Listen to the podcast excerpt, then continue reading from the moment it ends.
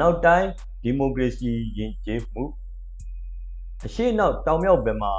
မတိပါညာအာနာသားသည်မှန်မှမသိပြောဆိုမိပြီးဒီမိုကရေစီမကောင်းကြောင်းစစ်ကောင်စီကကြောင်းနေမှာအနောက်တိုင်းဒီမိုကရေစီယဉ်ကျေးမှုကိုမတင်ကြဘူးညွှန်ကြားချက်ထုတ်လိုက်ပါတယ်စစ်ကောင်စီအာဏာသိမ်းရတဲ့ရည်ရွယ်ချက်မှာကိုကဒီမိုကရေစီရွေးကောက်ပွဲမှာမဲစင်းမှားပြီးဒီမိုကရေစီနီးမကျလို့ သိမ်းတာတဲ့စစ်ကောင်စီကပဲဒီစကားကိုအကြိမ်ကြိမ်ပြောနေတယ်ဒါကြောင့်ဒီမိုကရေစီရွေးကောက်ပွဲကြီးထပ်လုပ်ဖို့ပြင်းနေတယ်တဲ့မင်းအောင်လှိုင်ကိုယ်တိုင်ပြောပြောနေတာဒီမိုကရေစီနီးကျပါတီတွေပြန်ပြီးမှတ်ပုံတင်ကြပါတဲ့ဒီမိုကရေစီနိုင်ငံတော်ကြီးကိုတက်မတော်ကတိစောက်နေတာတဲ့စီကံပြေဝသောဒီမိုကရေစီတဲ့ဒီမိုကရေစီဒီမိုကရေစီဒီမိုကရေစီပြောနေတာကတော့အချိန်ချိန်မှာ အခုနောက်ဆုံးအနောက်တိုင်းဒီမိုကရေစီကိုမတင်ကြရဘူးတဲ့ဘာတွေလဲဒီမိုကရေစီကိုတိစောက်နေပါတယ်ဆိုတဲ့သူတွေကဒီမိုကရေစီဘာသာရပ်ကိုကြောင်းမှမတင်ရဘူးဆိုတော့သူတို့ကဒီမိုကရေစီကိုမနှစ်သက်ဘူးဆိုတဲ့အဖြေထွက်လာတာပေါ့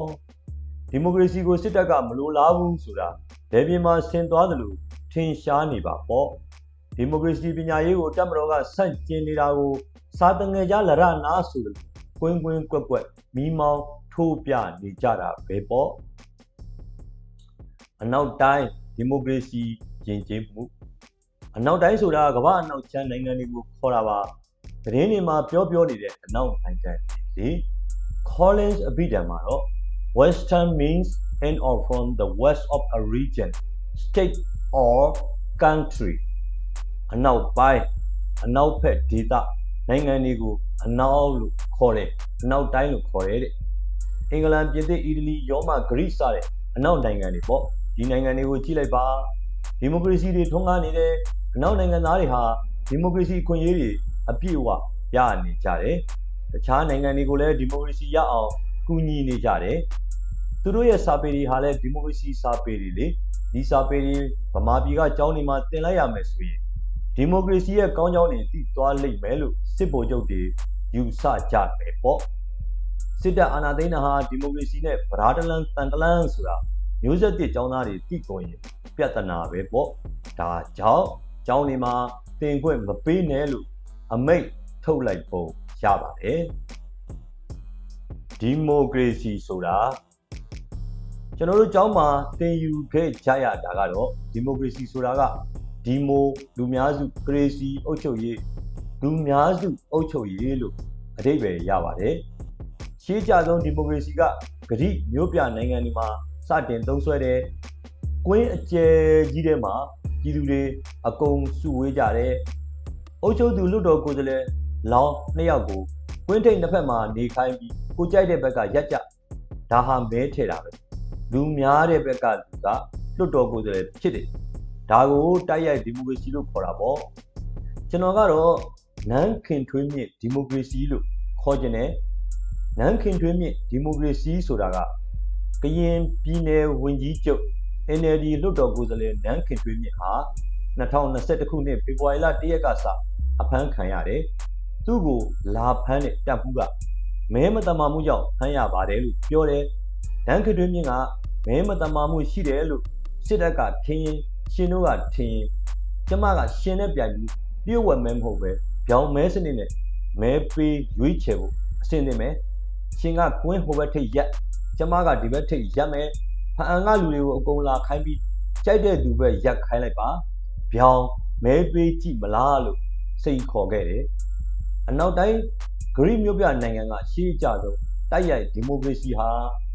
နန်းခင်ထွေးမြင့်ဒီမိုကရေစီနဲ့အတူတူပါပဲ Collins အပိဓာန်မှာတော့ democracy is a system of the government in which people choose their rules by voting from them in elections democracy ဆိုတာရွေးကောက်ပွဲကနေမဲဆန္ဒရှင်တွေကအုပ်ချုပ်မဲ့သူတို့မဲပေးရွေးချယ်ပြီးအစိုးရဖွဲ့တဲ့စနစ်ပါပဲအစိုးရကိုပြည်သူကမဲပေးရွေးချယ်ရပါတယ်မဲပြတ်တက်မနိုင်ရင်ညွန့်ပေါင်းအစိုးရဖြစ်တယ်ပါတီတစ်ခုတည်းကတောင်ပြိုကမ်းပြိုအပြတ်တက်နိုင်ရင် သူတို့ကလွတ်တော်ကိုဝင်ရတယ်လွတ်တော်ကနေအစိုးရဖွဲ့တယ်အားကောင်းတဲ့အစိုးရပေါ့ညွန်ပေါင်းအစိုးရဆိုရင်တော့အာမကောင်းမှုမတည်ငြိမ်မှုပြဿနာများတယ်ဒါပေမဲ့ညွန်ပေါင်းအစိုးရလည်းဒီမိုကရေစီအစိုးရပါပဲအာဏာသိမ်းစစ်အစိုးရလို့တော့လူ3000ကျော်တတ်မဖြစ်ပါရွာတွေကိုမီးမရှို့ရဲပါဘူးနောက်တစ်ချိန်ရွေးကောက်ပွဲ9နှစ်မှာသူတို့ပါတီကိုလူလူကမဲထည့်ကြအောင်ကောင်းတာတွေလုပ်ပြရပါတယ် ဒီမိုကရေစီအစိုးရ1990ဒီမိုကရေစီအစိုးရဖြစ်ချင်သလားရွေးကောက်ပွဲတွေကိုဖျက်ကျော်ရပါမယ်နိုင်ရင်အစိုးရလုပ်ပြီးတော့9နှစ်ရှုံးရင်9နှစ်ပြန်ဆောင်ပြန်စူးစမ်းလူလူကိုစီယုံပြီးကောင်းတာတွေပြန်လုပ်နောက်ရွေးကောက်ပွဲအတွက်ပေါ့အခုတော့ဒီလိုမလုပ်ကြပါဘူး1990ခုနှစ်ပါတီစုံဒီမိုကရေစီရွေးကောက်ပွဲကြီးမှာ NLD ကအပြတ်သက်နိုင်ခဲ့ပါတယ် စစ်တပ်ပါတီတာဆညပါတီကအပြတ်သက်ရှုံးခဲ့ပါတယ်လွတ်တော်ခေါ်မပေးပါဘူးအစိုးရဖွဲ့ခွင့်မပေးခဲ့ပါဘူးစစ်တပ်ကမဲနိုင်ကိုယ်စားလှယ်တွေကိုဖမ်းတယ်တတ်တယ်ထောင်ချတယ်ပြည်ပကိုထွက်ပြေးကြရသူတွေလည်းရှိတယ်ဒီမိုကရေစီအစိုးရလည်းဖွဲ့ခွင့်မရခဲ့ပါဘူးစစ်တပ်ကဒီမိုကရေစီမကြိုက်တာလူတိုင်းသိပါတယ်အခုလိုဒီမိုကရေစီဘာသာရပ်ကိုကြောင်းမှမတင်ရဘူးလို့အမိန့်ထုတ်ပြန်လိုက်တဲ့အခါစစ်တပ်ကမကြိုက်တာဒီမိုကရေစီဆိုတာ ပိုပေါ်လွင်လာပါတယ်ရွှေပြည်တော်မျော်တိုင်းဝေးဒီမိုကရေစီမတင်ကြားရေးစစ်တပ်အရေးဟန်ပြဒီမိုကရေစီအစိုးရ2010ယူနီဖောင်းချွတ်တိုက်ပုံဝတ်ဇွတ်အစိုးရ2010ရွေးကောက်ပွဲမှာကြိုတင်မဲမဲလိန်မဲခိုးအကြောက်တရားဖိအားပေးတွေနဲ့နိုင်ယူပြီးဇွတ်အစိုးရလုတ်သွားပါတယ် ဦးသိန်းစိန်ဦးဆောင်2010ရွေးကောက်ပွဲအတုကပေါက်ပွားလာတဲ့အစိုးရဟာဒီမိုကရေစီအစိုးရမဟုတ်ပါအတုရောင်ဒီမိုကရေစီအစိုးရဟန်ပြဒီမိုကရေစီအစိုးရထင်ရှားအောင်ပြပါမယ်နာဂိတ်မုံတိုင်းပြီး2008ဖွဲ့စည်းပုံကိုပြည်သူ69ရာခိုင်နှုန်းကထောက်ခံမဲပြီးသွားခဲ့တယ်ဆိုပြီးညာခဲ့ပါတယ်စစ်တပ်အာဏာသိမ်းခွင့်တွေထည့်ထားတဲ့2008ဖွဲ့စည်းပုံနဲ့ရွေးကောက်ပွဲလုပ်တဲ့တပ်ကိုယ်စားလှယ်25ရာခိုင်နှုန်းကလည်းယူထားသေးတယ် မဲရွေးပြီးညမှာမှကြိုတင်မဲအိတ်တွေခဏခဏထက်ရောက်လာပြီးပေါင်းထည့်ပြီးနိုင်တဲ့သူတွေကများပါတယ်ဒီမိုကရက်တစ်ပါတီဥက္ကဋ္ဌဦးတုဝေဆိုည8နာရီမှာမဲအပြတ်သက်နိုင်ထားပြီးမှနောက်ထပ်ရောက်လာတဲ့ကြိုတင်မဲတွေကြောင့်ရှုံးခဲ့ရတာကလားဒီကိစ္စကိုကျွန်တော်နဲ့အင်တာဗျူးတိုင်းဦးတုဝေကခဏခဏဖုန်းထဲကနေပြောပါတယ်အလားတူပဲဦးတုဝေတွေအများကြီးပါ ဒီနည်းနဲ့စစ်တပ်ပါတီကြန့်ဖို့ဟာနိုင်ခဲ့တယ်သူတို့ဟာဒီမိုကရေစီဆိုရမဟုတ်ပါဒီလိုဘ ഹു တုတတွေဟာအနောက်တိုင်းဒီမိုကရေစီရင်ကျေးမှုတင်ယုံကျွန်းတန်းတွေမှာပါတယ်ဒါတွေကိုမသိစေချင်ဘူးဒါကြောင့်စစ်ကောင်စီကကြောင်းနေမှာဒီမိုကရေစီမတင်ဖို့တားမြစ်တာဒီမိုကရေစီအစိုးရ2015 2015ရွေးကောက်ပွဲမှာ NLD အပြတ်အသတ်နိုင်တယ်တောင်ပြိုကမ်းပြိုနိုင်တယ် ဒီမိုကရေစီအစိုးရဖြစ်လာတယ်ဒါတော့မှ2008ဖွဲ့စည်းပုံကြီးကကန့်လန့်ကန့်လန့်လွတ်တော်အသီးသီးမှာလွတ်တော်ကိုယ်စားလှယ်အစိတ်သားကစစ်တပ်ကိုယ်စားလှယ်အမိတ်သားကြီးဝင်ထိုင်နေသေးတာအာဏာလွှဲချိန်မှာဆိုအပုထစ်တွေလည်းရှိခဲ့သေးပါတယ်စစ်တပ်ပါတီပြည်ခိုင်ဖြိုးကရှုံးနေတာကို